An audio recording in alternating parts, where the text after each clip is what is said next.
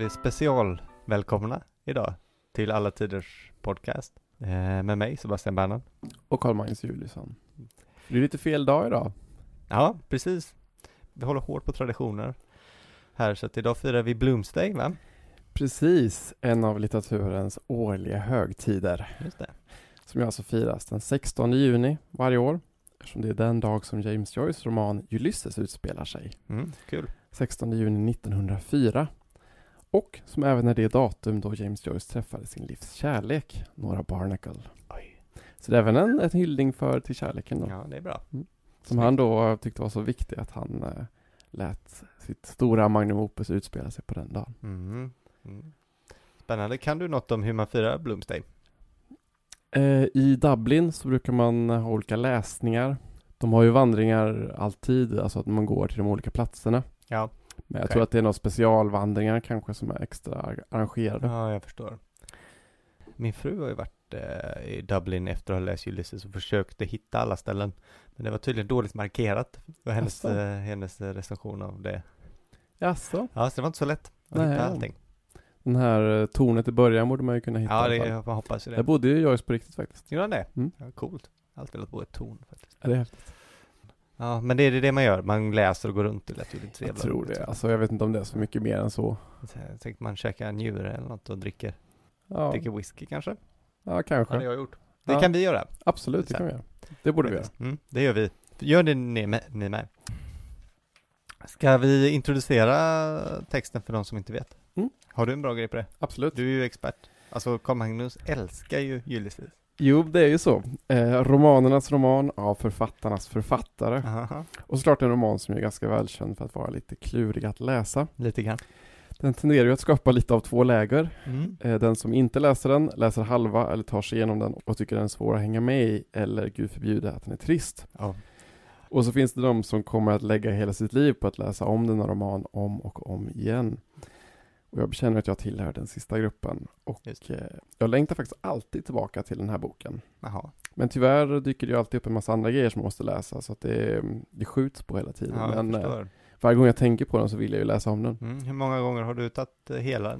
Tre gånger. Tre gånger? Ja, det är inte dåligt. Ja. Jag som har läst den en gång. Eh, Jag läste ut den igår faktiskt. Så att, ah, gud vad härligt. så du har den färskt i minnet. Ja, jag har precis kommit igenom. Ja. Men färskt och färskt, jag vet inte hur mycket detaljer jag ändå kan gå in på. Men det kommer säkert förhoppningsvis eh, lösa upp sig den här, eh, den här timmen idag. Vi hoppas ju det. Hur som helst, eh, handlingen är ju inte jättekomplicerad egentligen. Nej, just det. Ulysses är ju det latinska namnet för Odysseus. Och romanen är då alltså strukturerad efter Odysseen. Leopold Bloom är ju Odysseus. Steven Dedalus är Telemachos. Och Molly Bloom är Penelope. Och så vidare. Tänker man varför Odysseen då? Det är faktiskt för att Odysseus alltid har varit James Joyce favoritkaraktär. Ah, det är samma också, har alltid varit min favoritkaraktär i all grekisk mytologi. Då är det här boken för dig. Mm. I skolan skrev han en essä om Odysseus med titeln My Favorite Hero. Ja, roligt. Och han har sagt att temat i Odysseen är det mest mänskliga i hela världslitteraturen. Mm. Den är väldigt bra. Tänk att det kunde börja så bra. Ja, verkligen. Och eh, precis som Odysseen eh, börjar med att skildra Telemakos sökande efter sin far handlar de första kapitlen om Steven Dedalus, James Joyce unga alter ego och som även är huvudrollen i James Joyces roman Portrait of the Artist as a Young Man. Jag kommer att ta upp den lite mer senare. Steven är ju då en ung, svårmodig akademiker, poet och som har pluggat i Paris på Sorbonne. Ja, det låter som dig, Conrad. I alla fall tidigare. och, ehm, och därför är ju det tredje kapitlet, eh, Protevs, lite krångligt. Och har en massa referenser till formernas form och Aristoteles och fraser på olika språk. Och karaktären Steven Dedalus är ju inspirerad av Hamlet, Icarus, Shakespeare och Lucifer och hans berömda Non serviam. Jag vägrar att lyda. Och i fjärde kapitlet då, då kommer Leopold Bloom in som då alltså motsvarar Odysseus. Men i romanen är han alltså inte Steven Dedalus riktiga pappa.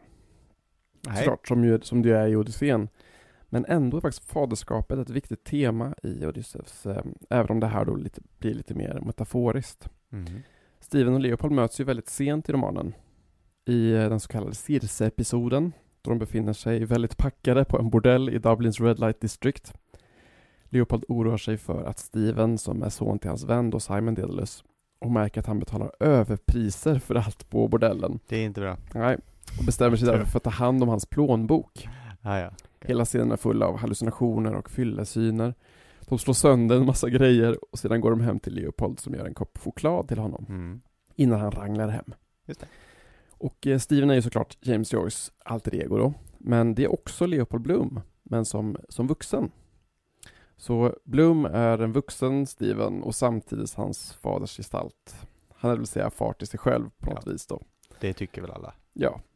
Och eh, denna relation har en parallell i Ulysses som är eh, lite lattjo faktiskt. En biografisk tolkning av Hamlet som Steven Dedalus gör. Just det. För William Shakespeare hade ju en son som hette Hamnet Mm. men som dog när han var 11 år. Hamnet borde ju då motsvara sin nästa namne Hamlet. Man kan tycka det. Men samtidigt är det såklart William Shakespeare som i någon mån står som förebild för Hamlet. Ja, kan vi väl gissa oss till. Ja, så alltså är Shakespeare både Hamlet och hans fars spöke. Alltså han är far till sig själv.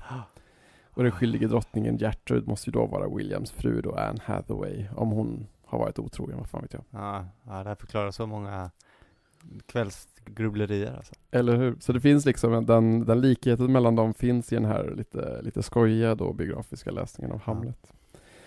Sen är ju Bloom av judisk påbrå. Ja, delvis i alla fall. Ja, från Ungern.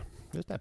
Hans pappa Rudolf Virag konverterade till protestantismen och Leopold konverterade sedan sin tur till katolicismen för att kunna gifta sig med sin fru Molly. Just det. Så han har alla men också ingen religion så att säga. Nej, så är det. Eh, James Joyce är själv uppvuxen katolik men tog sedan avstånd från religion och gick i exil från Irland.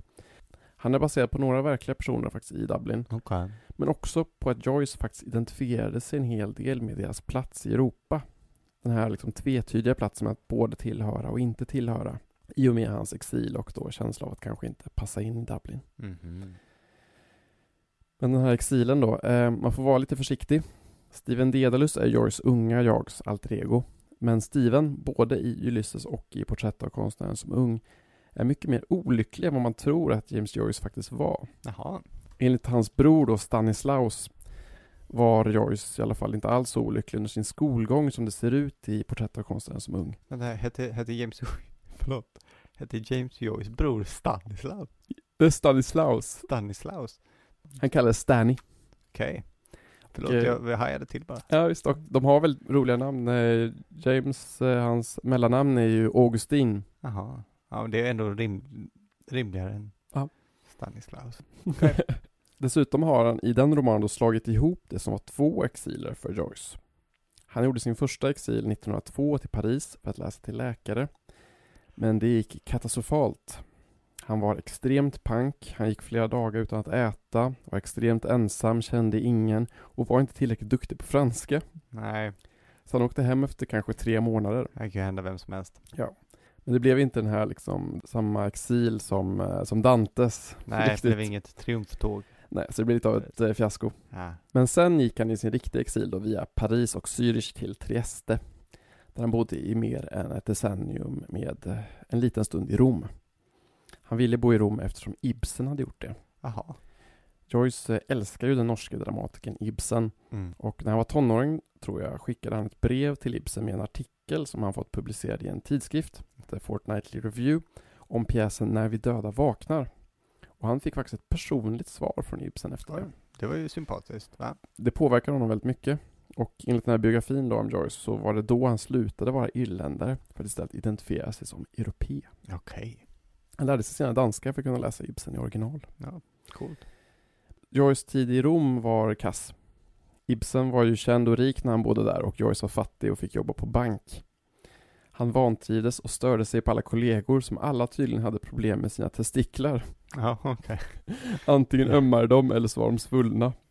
Så han flyttade tillbaka till Trieste och sedan till eh, Zürich under första världskriget. Sedan till Paris där han bodde i typ 20 år. Och sen tillbaka till Zürich under andra världskriget. Där han dog och fortfarande ligger begravd idag. Mm. Trevligt. Det var bra, det har vi var hela livet. Ja, nästan i alla fall. Okej. Man kan ju fråga sig hur mycket han gick i exil då. Ja, Eftersom han hade ju alltid kontakt med sin familj, de hälsade på, han hälsade på någon gång i alla fall i Dublin. Och allt han skrev skulle ju komma att ha med Dublin och Irland och allt som är irländskt att göra. ja, alltså exil tycker jag det är ett lite starkt ord kanske. Det låter lite som att man inte är välkommen tillbaka. Ja men precis. Det är inte riktigt det som händer kanske. Nej, det är snarare som att han var tvungen att komma bort för att kunna se och kunna skriva klart om Dublin så som Ja. han eh, upplevde att det var.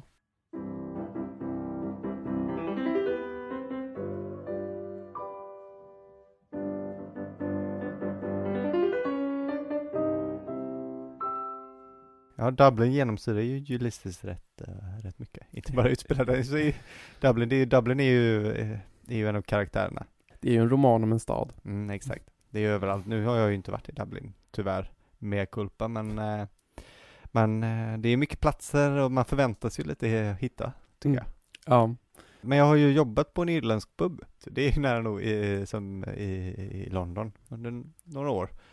Och eh, det var alltså det var bara irländare där förutom jag som jobbade. Och, och de flesta som drack. Hur jag hamnade där, det behöver ni inte oroa er över.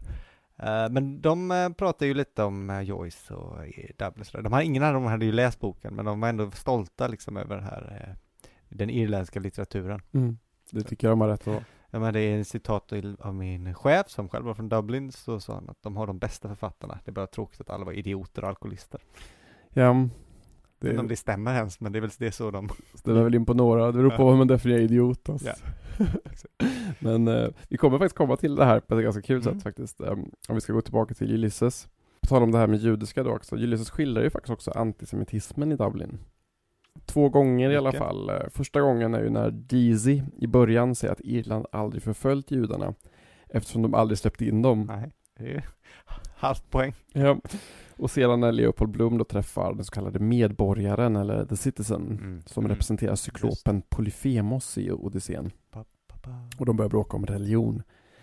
Leopold Bloom då påminner honom om att Jesus var jude och att Jesus pappa och Jesus mamma var judar Ja, och får då fly fältet med en massa grejer Ja, kastade det efter sig. jag tyckte han inte om. Så kan det gå De har ibland. väl någon eh, grej i slutet också, någon, eh, där någon påpekar att de är så, så inskränkta irländare att de tror att Jesus är från Mullingar.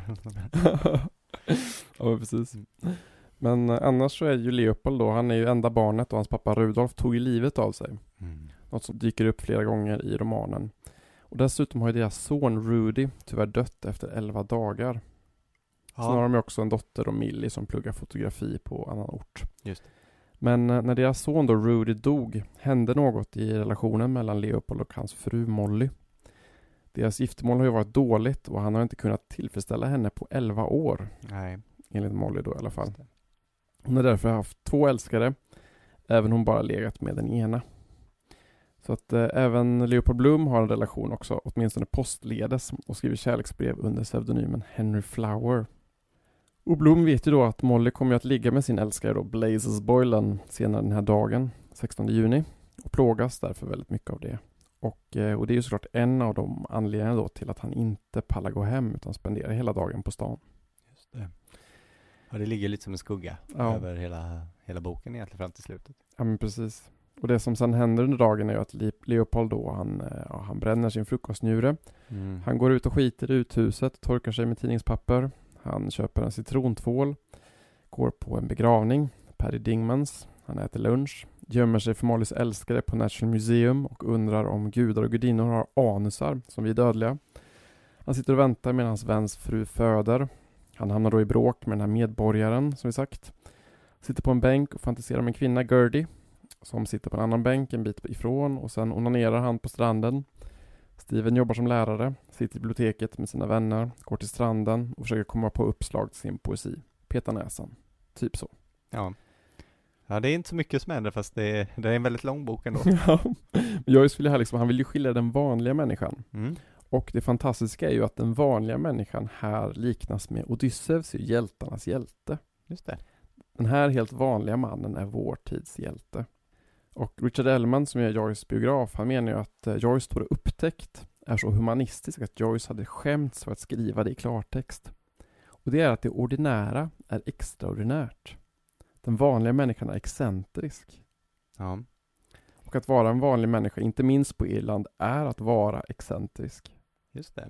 Ja, nej men det är fint. Det är väldigt fint. Ja, men jag tycker att det visade sig när man hade läst boken att, eh, att den är mycket mer sympatisk än vad man först känner av, av kanske. Mm. Ja, det är ju en rörande bok.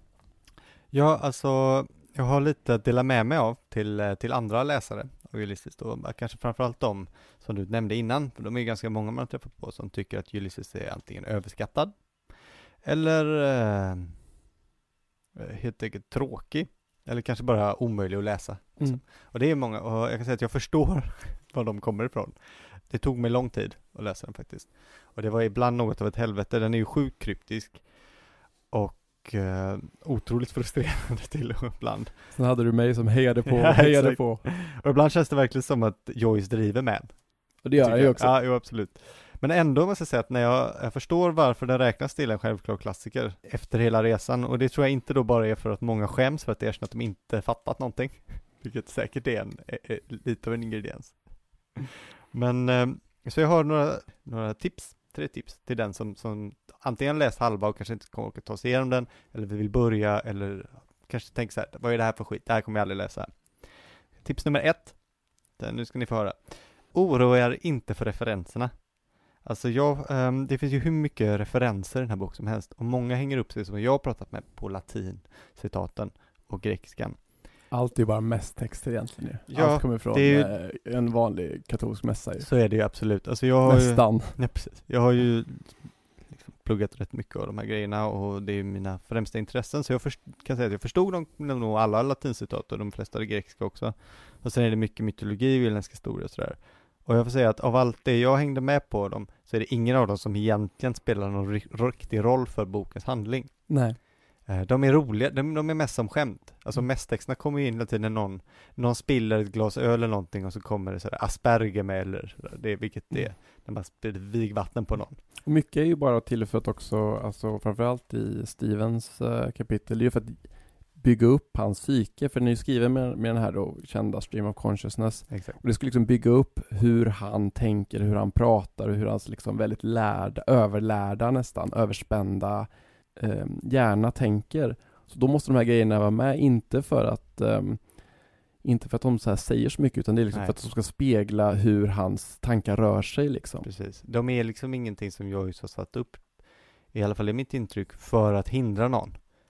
Eh, Det är, det är inte det. Utan om man inte fattar dem så, det, så gör inte det Mm. någonting. I den svenska översättningen av Erik Andersson så finns ju alla översatta längst bak också. Ja, okej. Även de franska och eh, Ja. grekiska. Italienska är rätt mycket också. Italienska staten. Alla de finns liksom översatta längst Ja, bak. Så det ja. är bara slå där i så fall. Ja, visst. Eh, men jag kommer till nästa här och ehm, eh, jag ska säga så här, ta tid.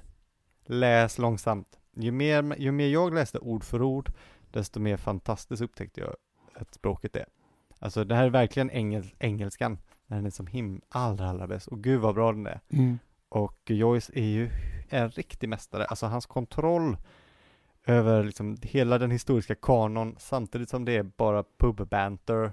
Allt blandas, allt är spot on. Mm. Och verkligen så här smaka på orden så är de riktigt mums filibums bums. Mm, mm, mm. Och då tycker jag de är, den är mycket mer läsvärd också. För att den är lite som, kapitlen är ju lite som enskilda berättelser också. Och man kan läsa, jag tycker man får läsa dem så, med glädje. Och ta in orden och meningarna. Liksom. För även om man inte fattar en mening så kan den vara väldigt, väldigt roligt skriven. De här fantastiska allitterationerna och sånt där. Mm. Och alla inrim och så. Precis. Så det, det är ett bra. Då tror jag också att man kan liksom få mer glädje av enskilda, enskilda sidor Mm. snarare än att försöka svälja allt på en gång. För det kommer lite sista och det är verkligen läs klart. Payoffen i slutet, den är inte dålig alltså. Nej, nej, nej. Det är det verkligen. Och jag tyckte, jag, jag tyckte det var väldigt kämpigt men de sista två kapitlerna, de förvandlar verkligen hela boken. Mm. De gör om allting till en, till en beskrivning av vad det är att vara en vuxen människa. Mm. Alltså, alltså på det djupaste sättet som jag någonsin har läst det här. Så jag Ja. vara väldigt, nu, nu vill jag ju läsa om den. Eller hur? För att det var, ja de verkligen ramade in hela berättelsen och så allting som hade varit med kom fram igen och, och visade liksom vad poängen var. Mm. Ehm, så det är liksom alla livets högsta glädjeämnen, meningslösaste trivialiteter och största sorger. Mm. Precis som de framträder i ens privata tankar, det är det som är det sjukaste. Det är ju en intim bok. Mm, verkligen. Så jag ska säga, det är mina tre tips. Mm. Strunt i referenserna, läs, läs ord för ord, ta tiden och läs utan. Mm. Så, tror jag, så tror jag att alla kommer tycka den är bra. Jättebra tips. Mm. För att den är, jag fattar att den känns eh, bajernödig och tråkig. Men man, det gäller bara att gräva lite så hittar man att den är inte det. Det är värt ansträngningen. Ja, precis.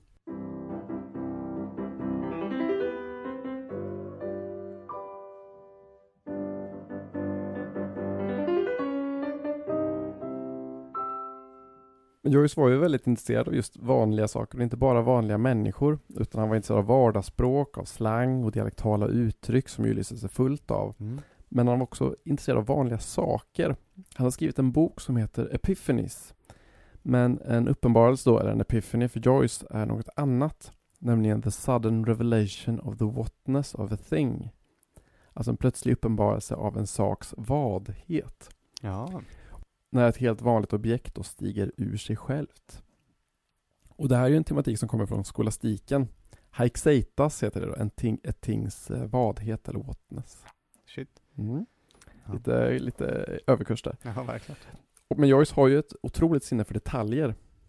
Och det sägs faktiskt att rektorn för hans skola ska en gång ha skrivit till hans pappa att om man släppte James mitt i öknen skulle han bara sätta sig ner, vara gud och rita upp en karta över den.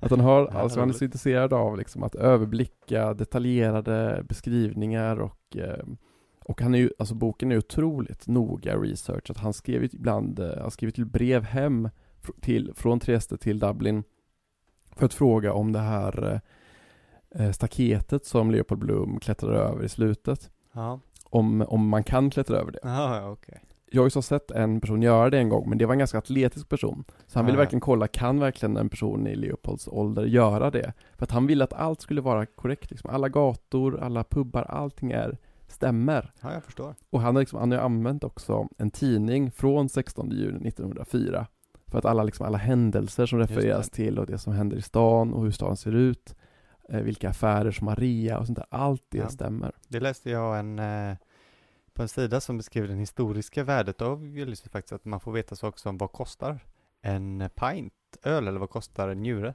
och sånt där. Sånt där som är väldigt svårt att få reda på efterhand. Ja, men sådana detaljer är liksom minutiöst eh, beskrivna.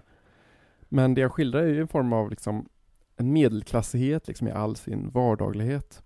Och det fick han lite kritik för ibland, inte minst av lite finare författare. Mm. Som till exempel Virginia Woolf då, som ansåg att han var lite vulgär och arbetarklassig. Det var flera faktiskt som trodde att de kanske dömde honom litterärt. Men egentligen gjorde de det utifrån klass. Ja, just det. Och eh, Ulysses hamnade ju på grund av sitt innehåll i många problem då med censuren och eh, kunde därför inte ges ut. Nej, alltså den är ju supersnuskig ibland. Ja, den är ganska Framförallt snus- de sista kapitlen, alltså Molly. Ja. Mm. Men det som hände var i alla fall via författaren Yates då kom han i kontakt med den amerikanska poeten Ezra Pound som ja. hade en del kontakter och olik, med olika modernistiska tidskrifter i USA. Så det var en sån som Ulysses första gången gavs ut ett kapitel i taget då mellan 1918 och 1920. Innan den här tidningen då dömdes för censur i USA och de fick sluta. Mm. De fick då väldigt mycket böter och sådär. Ja, det är klart. Och sedan gav Sylvia Beach då som hade Shakespeare Company i Paris. Den riktiga då, den som finns idag, är inte, ligger inte på samma ställe Nej, som... gör det inte det? Nej, det, den är liksom en, ny, en nystartad Shakespeare Company på en ny plats. Så det är inte den klassiska egentligen. Jag har blivit lurad. Det är många som har blivit lurade av Ja. det, men det är inte den riktiga, men det känns, man vill gärna tro att det är den riktiga. Fan, jag var ju där och köpte en Hemingway-bok och kände mig Ja. så jävla kulturell.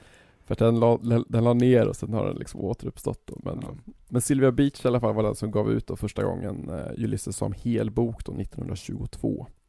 Det är faktiskt väldigt intressant att eh, hela Joyce uh, utgivningshistoria är baserad bara på kvinnor. Jaha, För de som gav ut den här Ulysses i tidskriften var ju, var ju kvinnor. just det. Sylvia Beach är kvinnor, så att han, eh, det är väldigt många kvinnor som har hjälpt honom eh, med den här boken då, som har tyckt att det här är någonting extraordinärt. Ja, spännande. Men Joyce svarade faktiskt bäst själv tycker jag på kritiken att hans roman skulle vara för snuskig, för vulgär och för kroppslig. Han sa så här. Om Ulysses inte är lämplig att läsa, då är livet inte lämpligt att levas. Nej. För det är ju livet den skildrar liksom. Ja, absolut. Och sen är det ju här också en väldigt rolig roman. Humor överlag är ett väldigt eh, typiskt ämne för Joyce. Hans namn kommer från franskans joyeux, eller latinets jokax. Gör det det? Mm. Kul. glädje. Och Joyce tyckte att litteraturen ska uttrycka the holy spirit of joy. Så glädjens heliga ande. Joyce hade också en bild i sin plånbok på Duc de Joyeux, alltså greven av en plats i Frankrike som heter Joyeux. Ja, okej. Och brukade fråga sina vänner om de kunde se någon likhet mellan dem. ja. För han, han gillade att ide- identifiera sig med olika människor. Jag. Men Vad roligt tyckte jag. Kolla här, kolla över ögonbrynen. Det är ju jag. det heter ju nästan samma Ja, sak. Eh, och eh, Joyce ansåg också att komedin står över tragedin. Eftersom den slår ett slag för glädje, medan tragedin står ett slag för sorg. Ja, det är väl sant. Ja, komedin står för att ha, tragedin för att berövas. Mm. Ja, jag gillar också komedier bäst. Jag tycker också det är en underskattad genre. Verkligen. Eh, han såg också faktiskt Freud som en namne. Jaha, gillar det. Tyskans Freude mot engelskans Jaha. Joy. Shit. Alltså det här är så uppenbara saker som man har missat hela livet. Verkligen. Men den var, den var inte helt önskad. Nej, okej. Joyce var inget jättefan av Freud och hans Nej. psykologi. Nej, jag kan tänka mig det. känns- Även om de har en hel del gemensamt. Eh, Joyce älskade till exempel när folk sa fel, alltså Freudian slips. Ja, jo. Tyckte han var grymt kul. Och så var han intresserad av Freuds idéer om ordassociationer. Men han tyckte att psykoanalysens symbolism var för mekanisk. Alltså att en eld är en fallos och ett Just hus är en livmoder och så vidare. Ja. Det är liksom, det är för, eh, om det är för enkelt för en författare. Ja, det, det känns som, alltså Ulysses handlar väl mycket om eh, mysteriet människan. Ja. Mysteriet livet. Det känns- Inte förklaringarna. Nej, exakt. Nej. De faller ju lätt platt. Och eh, mycket skämt i Ulysses har ju med avföring och sex att göra. Mm. Och enligt Joyce ska de flesta irlanda, irländska skämt handla om just exkrement. Okej. Jag vet inte om du hörde många sådana Nej, i pubmiljön. Nej, inte mycket snusk i och för sig, men Mm. eh, Ingen bajs. ingen bajs vad jag minns. Nej. Nej. Joyce hette ju eh, Augustin då i mellannamn. Och en av hans vänner då som heter Richard Sheehy brukar kalla honom James Disgustin Joyce. Mhm, Det var kul. Det var kul. Bra. Den får tre av fem fyra. och själv brukar han faktiskt ofta stava fel på sitt mellannamn. Alltså utan u Alltså Augustin utan u. Det första u då. Ja. Ja, ja, som på italienska typ. Ja, så brukade han stava, stava det Ja, okej. ibland. En gång kom också en ung man fram till honom i Zürich och frågade om han fick kyssa den hand som skrivit Ulysses. Då Ja. svarade Joyce Nej, den har gjort mycket annat också. Ja, det är bra. Det är riktigt bra tycker jag. Men enligt Joyce ska det faktiskt ha varit hans pappa som var den roliga och som han fått allting ifrån. Det finns en historia när de satt och läste tidningen till frukost och hans pappa John läste att en vän till familjen, Mrs Cassidy, hade dött. Då utropade då eh, James mamma, May Joyce hette hon, och nej, säg inte att Mrs Cassidy är död. Då svarade pappan, det vet jag inget om, men hon har tagit sig friheten att begrava henne. Ja, det var också kul. James började då gapskratta och berättade skämtet för alla sina vänner och la även in det i Ulysses. Ah, Så bra tyckte han om det. Ja.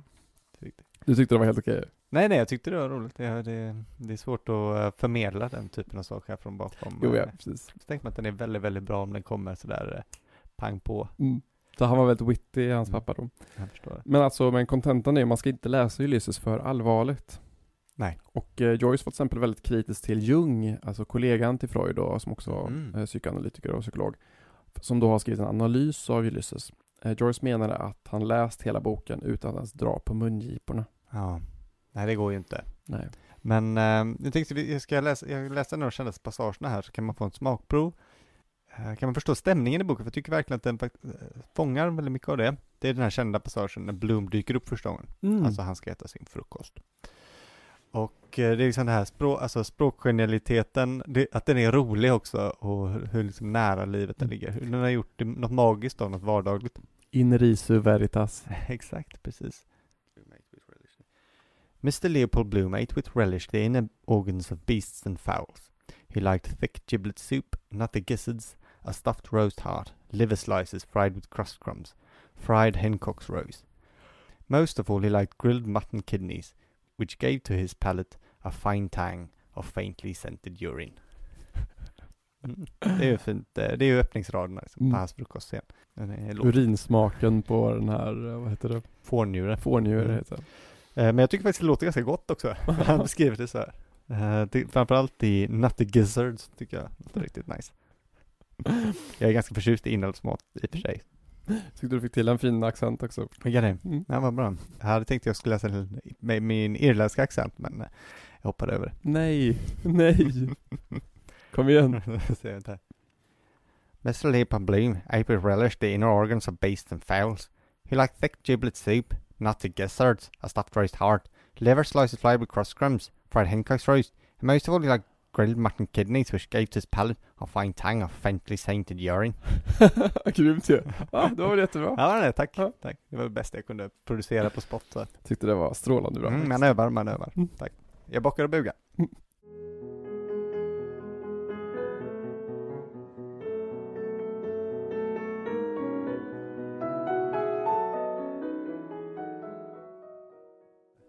Ja, jag har ju spanat lite också på vad jag kunde tillföra till vårt samtal idag. Mm. Och tänkte att lite härlig irländsk självständighetshistoria kunde väl vara på sin plats. Ja, ja, ja.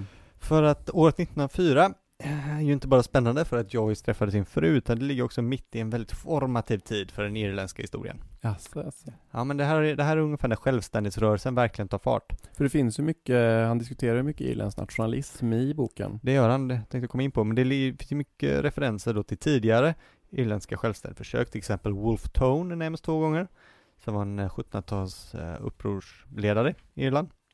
Han vid ett tillfälle säger han någonting i stil med They'll follow me up to Carlo, vilket är en känd irländsk eh, låt som handlar om ett känt irländskt slag som vid Carlo. Så jag vet hur den går den där.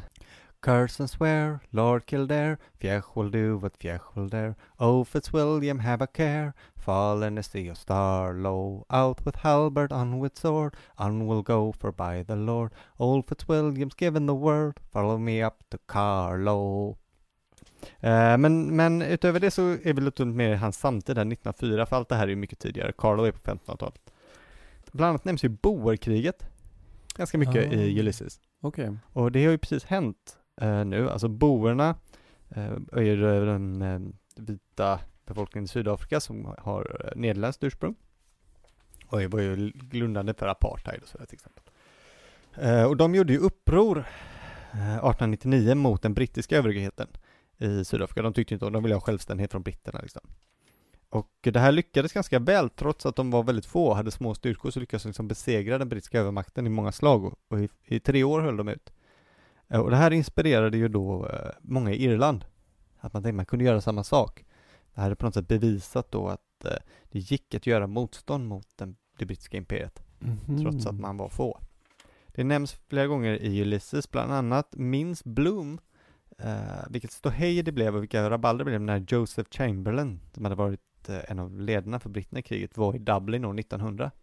Så han står liksom plats och minns att här, liksom, det var grejer på gång. Och i slutet diskuterar Leopold Bloom och Stephen Dedalus att borgkriget var, var början på slutet på det brittiska imperiet. Jaha. Det är intressant där som boken är skriven retroaktivt, den är skriven senare Ja. än det här. Men att de, där kan man liksom se att eh, det börjar luckras upp, motståndet eh, växer. Mm. Och där är ju brittiska imperiet står ju ungefär på toppen av sin makt. Ah, ja. För sen faller ju alla andra brittiska kolonier efter det. Exakt, Lite Precis. föregående då för... Mm. det kan man säga. Ja. Och sen är det också att det var en person som var väldigt viktig för eh, Irlands självständighet var Arthur Griffith. För han var grundare av ett parti som heter Sinn Fein. Eller, Sinn Fein finns ju kvar. Ja, det känner man ju till ju. Ja, det brukar ibland beskrivas som den fredliga vä- delen av IRA. Men det är lite fel, för Sinn Fein har ju funnits innan IRA egentligen. Ah, ja. De vill uppnå självständighet och även eh, gemensamt Irland med Nordirland fast med fredliga via parlamentariska medel. Och han grundade dem och de var ju då eh, det är den organisation som ledde Irland till frihet kan man säga. Och det han ville då från början var ju att ge Irland ett eget parlament. Så man skulle skapa ett eget parlament oberoende från London. Och detta var inspirerat av det Ungern. För där hade man gjort så, där ville man ha självständighet från österrikarna. Och det gjorde man bland annat genom att skaffa sig ett eget parlament i Budapest. Och, men i Ulysses så får eh, Arthur Griffith den här idén från Leopold Bloom Aha. på eh, Barney Kiernans pub. Och för att Bloom har själv ungerskt påbrå och påpekar det här. Shit. Mm. Va, det är jättekul ju. Det är kul va? Det är som uh, Forrest Gump fast eh, i litteraturform. Ja, exakt. Det tyckte jag var en väldigt bra detalj. Shit vad kul. Eh, och sen var det också så här att cyklopen som du nämnde tidigare, den här Mm. citizen då, den här väldigt patriotiska och antisemitiska irländaren. Han ska vara inspirerad av en person som hette Michael Cusack, eh, som var grundare av The Gaelic Athletic Association. Som var, han eh, var en patriot och så ville se ir, ett Irland baserat på etniskt irländsk katolsk grund. Eh, framförallt då, och det här tar de upp i boken, tror jag, nämnde det, men via sport, precis som Rom och Grekland så ska man ha liksom eh, det atletiska i grunden för Mhm. sin kultur. Och Cusack var bara en stark eh, motståndare till Yates faktiskt. Jaså? Han tyckte inte alls om Yates och Yates som också kämpade för självständigheten. Men det var ju för att Yates har ju, hade ju protestantisk bakgrund. Mhm. Han tillhörde ju det som kallas the Protestant Ascendancy. Vilka är de fam- protestantiska familjer som enligt lag hade rätt att styra Irland. Vi kan säga, eller så här snarare, enligt lag så fanns det, så fick inte katolska människor ha vissa rättigheter politiskt som hade att göra med saker som hade dragits in under tidigare uppror och sådär, vilket gjorde i praktiken så styrdes Irland av en minoritet protestantiska irländare. Och de, det som sker under just den här tiden 1900-talet är en förskjutning av irländsk identitet lite till att innan så är det de här som är i Irlands liv och kulturliv väldigt mycket den här protestantiska angloirländska minoriteten. Eh, angloirländska är inte alla, de är irländare, Church of Ireland, men de är protestanter. Till eh, en fokus på landsortsbefolkningen och en katolsk identitet, vilket ju är 90 procent. Liksom. Mm. Eh, och då faller ju Yates ur i det. Och då är ju Michael Cusack en av ledarna. Eh, så därför ska, men det här tyckte ju inte uh, Joyce om. Nej.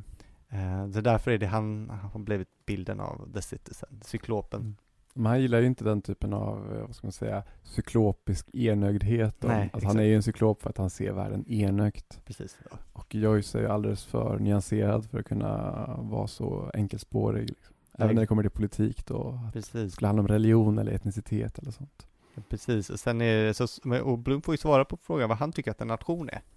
När de diskuterar det här, och framförallt då är judarna en del av det, så säger han att det är the same people living in the same place. Mm. Så han har lite mer pragmatisk eh, bild på Mm. det. Det är vi som bor här. Mm. Och Blom ger ju själv en beskrivning av hur han vill att Irland ska se ut. Eh, och han säger så här ungefär. Eh, jag berättar innan, för det här är i uh, pjäskapitlet. Bloom. Mixed races and mixed marriage. Lenehan. What about mixed bathing? Och sen inom. Bloom explains to those near him his schemes for social regeneration. All agree with him. The keeper of the Kildare Street Museum appears, dragging a lorry on which are the shaking statues of several naked goddesses. Venus Calipigi, Venus Pandemos, Venus Metempsychosis, and plaster figures, also naked representing the new nine muses. Commerce, operatic music, armor, publicity, manufacture, liberty of speech, plural voting, gastronomy, private hygiene, seaside concert entertainments, painless obstetrics, and astronomy for the people. Father Farley. He's an Episcopalian, an agnostic, an anythingarian seeking to overthrow our holy faith. Ja, vad roligt. Jag gillar också att vara en musa för personlig hygien. Ja, jag vet precis. Den det, är också, konstformen. precis. det är också det alla saker han vill ha liksom. Privat hygien. Fint att ha en musa för det. Precis. Ja, det var det jag kunde hitta lite. Det finns säkert hur mycket som helst. Men vad fint, det är också så ett bra tecken på att man ser olika saker när man läser. Jag har ju väldigt dålig koll på just den här typen av historia. Ja, så att, eh, det. Ja, det är spännande grejer vet du. Verkligen. Mm.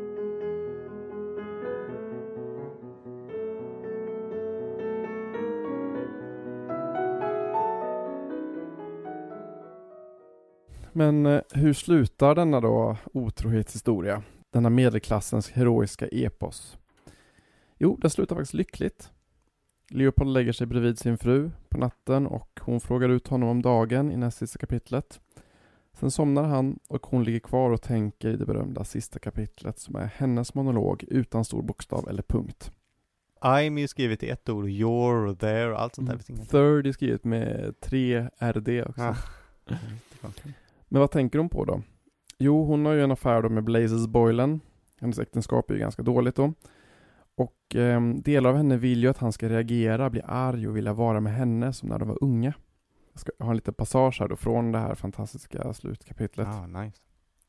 Jag sätter på det bästa linnet och de bästa underbyxorna, låter honom ta en ordentlig titt så att hans Petter Niklas reser sig. Jag ska låta honom förstå om det är det han vill, att hans fru har blivit knullad, Jag är jävligt välknullad ända upp till halsen. Men inte av honom, fem eller sex gånger på raken. Det finns fläckar efter hans sås på det rena lakanet, jag brydde mig inte ens om att stryka bort det. Det borde göra honom nöjd om du inte tror mig, känn på min mage. Om jag inte fick honom att ställa sig där och drog honom in i mig. Jag får lust att berätta vartenda dugg för honom och få honom att göra det där framför mig. Rätt åt honom, det är hans eget fel. Om jag är en äktenskapsbryterska. Ja. Ja. Shit. Ungefär så där låter det då, Ja, utan visst. punkt och i liksom en lång ström så att säga. Ja. Men den här kvällen då, i den 16 juni 1904, så låg hon inte med sin älskare eftersom hon fått mens. Hon har fått det tidigare än hon trodde att hon skulle få och eh, tänker att det kanske har att göra med hennes förbindelser med Blazes. Mm. Men det spännande här, hon går också igenom alla sina kärleksaffärer, älskare och även en lesbisk relation hon haft i sin ungdom. Kommer du ihåg hur Odysseen slutar? Ehm, exakt hur det ser ut. Den slutar ju med att Odysseus skjuter en pil genom alla ringar och dödar Penelopes friare. Ja, och tjänarinnorna också. Ja, precis. Och det är det som händer. Hennes mens är friarnas blod. Och en i Aha. taget besegrar Ah. Leopold dem i hennes tankar. Ja, det gör han ju i och för sig, för hon slutar ju allt, hon kommer till honom varje gång. Precis, hon minns när han friade till henne på Houth Head då under rhododendronbuskarna och hon gav honom eh, kumminkaka ur sin mun. Leopold är ändå den första och den sista hon tänker på innan hon somnar och Leopold vinner över alla hennes friare. Men genom då menstruationen och inte mordet. Nej, precis. Och det. romanen slutar med hennes svar på hans frieri då, bejakandet, affirmationen Ja, jag sa ja, det vill jag, Mm. ja.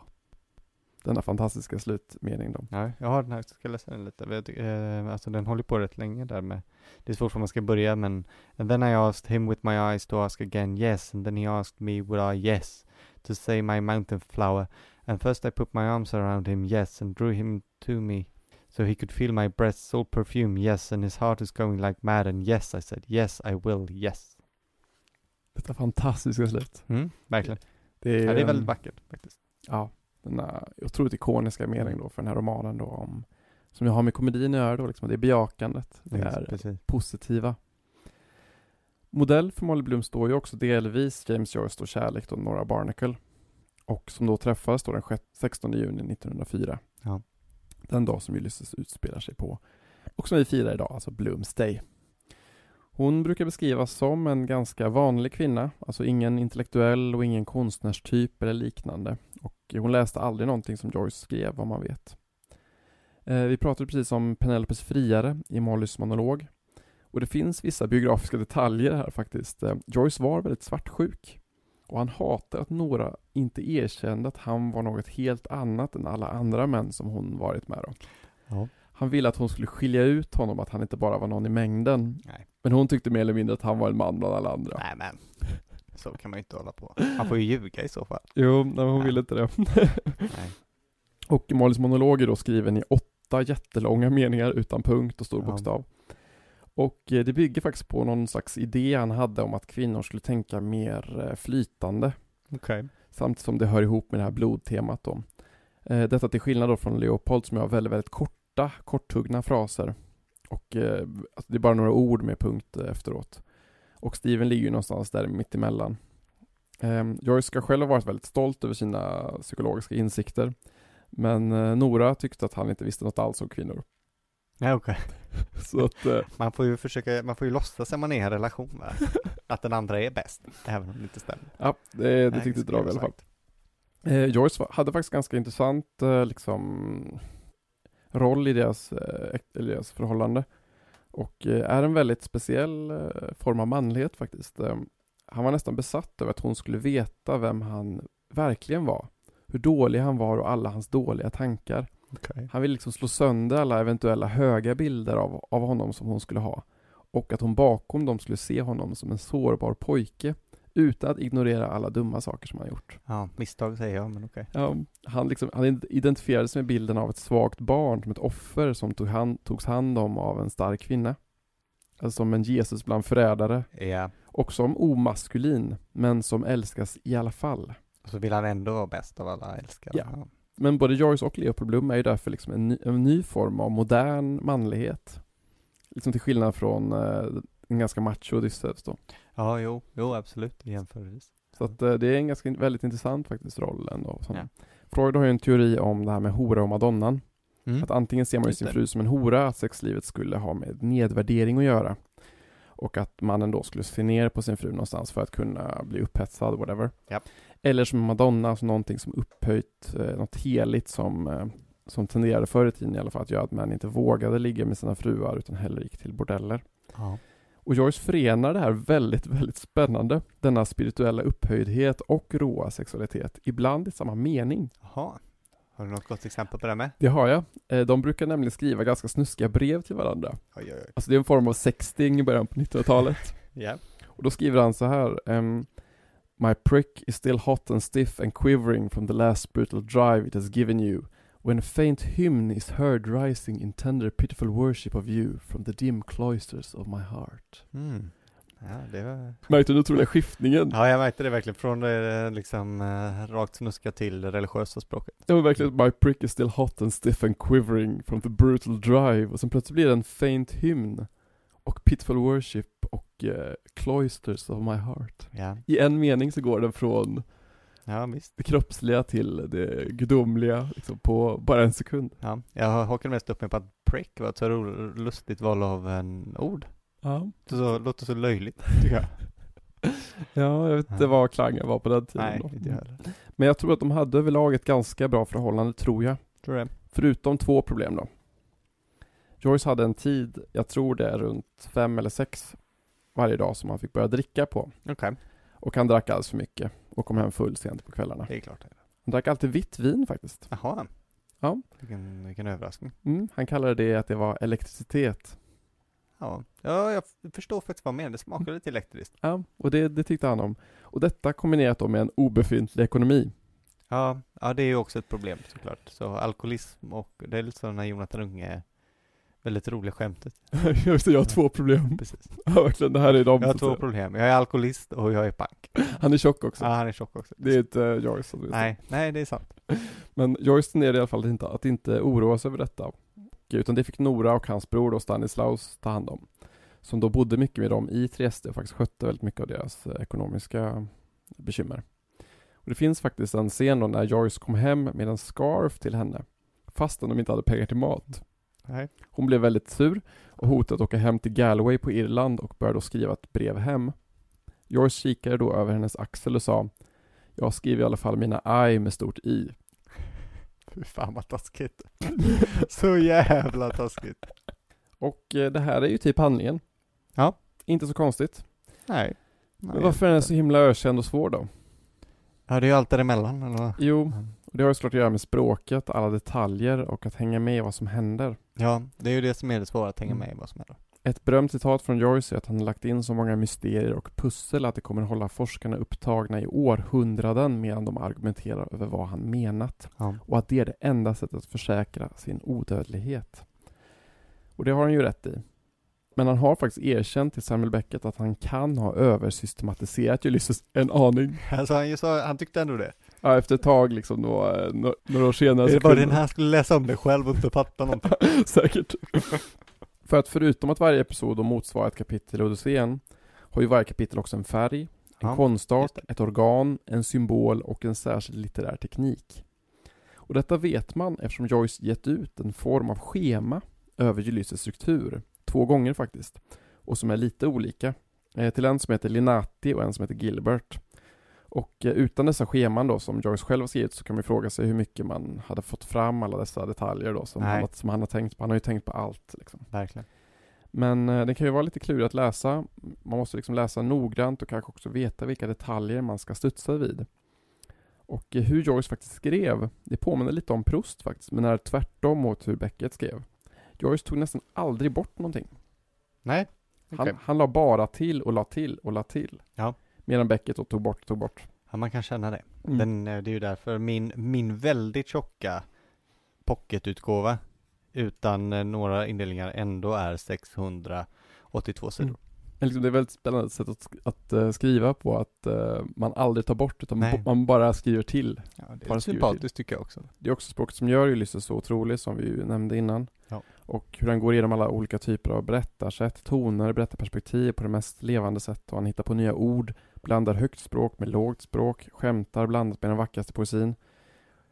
Och det viktigaste är inte att fatta allt som ju du sa innan. Nej. Enligt Joyce är det pure music, it's meant to make you laugh. Mm. Ja men eh, bra. Skönt att han sa det också. Verkligen. Och jag har några citat, eh, jag valde några lite kötsliga och erotiska som jag tycker är roliga. Äntligen. Det här är från, det här första kommer från musikkapitlet, alltså Sirenerna, i Erik Anderssons översättning. Bloom, Flöde av varm sötsaft, slicksekret flödande fram i musiken i åtrå mörkt, där slickas flödet in, kladda, klämma, kleta, klaska, stöt. Täcka den täcka, betäcka, stöt. Glädjen, känslan, värmen, stöt. Portar till sluss, dusch, fors, svämma, forsa, flöda, glädjefors, pirrdunk. Nu! Kärlekens språk. Mm. Det är mustigt. Verkligen. Det är härliga också, eh, liksom, eh, allitterationerna. Mm. Älskar allitterationer. Funkar helt okej på svenska ändå. Mm. Jag tyckte det var väldigt väl översatt. Här kommer en, eh, ett citat också från det här fråga-svar kapitlet. Han kysste hennes rumpas buktiga, fruktiga, luktiga pumpagump på vardera buktande pumphemisfären i deras buktiga, fruktiga fukt med smygande, utdragna, utmanande pumpfuktiga stusskyssar. Oj. Ja, säger man om det? Nej, Du hoppar verkligen till när du läste det. Ja, men det är så otroligt. Så eh, animerad. Jag har aldrig sett det så levande. Men ibland är också dessa små detaljer i Ulysses också så fantastiska. En favorit är faktiskt den trojanska hästen. Ja, och den har jag missat. Ja, den tenderar man att missa. Det, det sker då att, eh, det här är ganska klurig detalj faktiskt, men Blom möter då en som heter Lions och de pratar om hästkapplöpning. Ja. Och han ger honom ett, ett papper, jag vet inte om det är en kupong eller liknande. Blom säger 'You can keep it' och Lions svarar 'Ascot Gold Cup, wait, half a mo, maximum second' Ja. Blom säger I was just going to throw it away. Och han då Bantam Lions raised his eyes suddenly and leered weakly. Ja. Det är det. Sen pratar Lions med Linehan då, Ja. som frågar vem som vann det här racet. Och då är det hästen Throwaway. Ah. Blom sa ju I was, I was just going to throw it away. Så Bantam Lions har då trott att han fått ett tips av Blom, Mhm, jag förstår. som han sen avråddes att satsa pengarna på. Ja, Och som sen vann. okej. Shit. Ett slags ordmissförstånd då liksom, eh, att han då hörde Ja, throw it away som att det var hästen throw away. just det. Och det är den trojanska hästen. Ja. Mm, snyggt. Det var en väldigt eh, svår detalj. Ja, och den är ju full av den här typen av liksom lekar och adaptioner av eh, Odysseen då som Mm. får de mest kreativa formerna. Härligt. Vi får väl fortsätta fira Bloomsday du och jag, tänker jag nu. Ja, det ska vi göra. Mm. Ska vi Gå göra. till Dubliners eller någonting. Ja, ja, det finns ju inte längre. Nej, det har bytt namn, men det är samma ställe. Ja. Jag har aldrig varit där så, så det Har du inte? Nej, aldrig. Dags för en Guinness då tycker jag. Mm. Och, eh, Det tycker jag också. mm, mm. Men också önskar vi er lyssnare då, som lyssnar på dagen, dagen 16 juni, also known as Bloomsday. Ha en god Bloomsday. Verkligen. Mm. Tack för oss. Tack för oss. Hej då. Hej.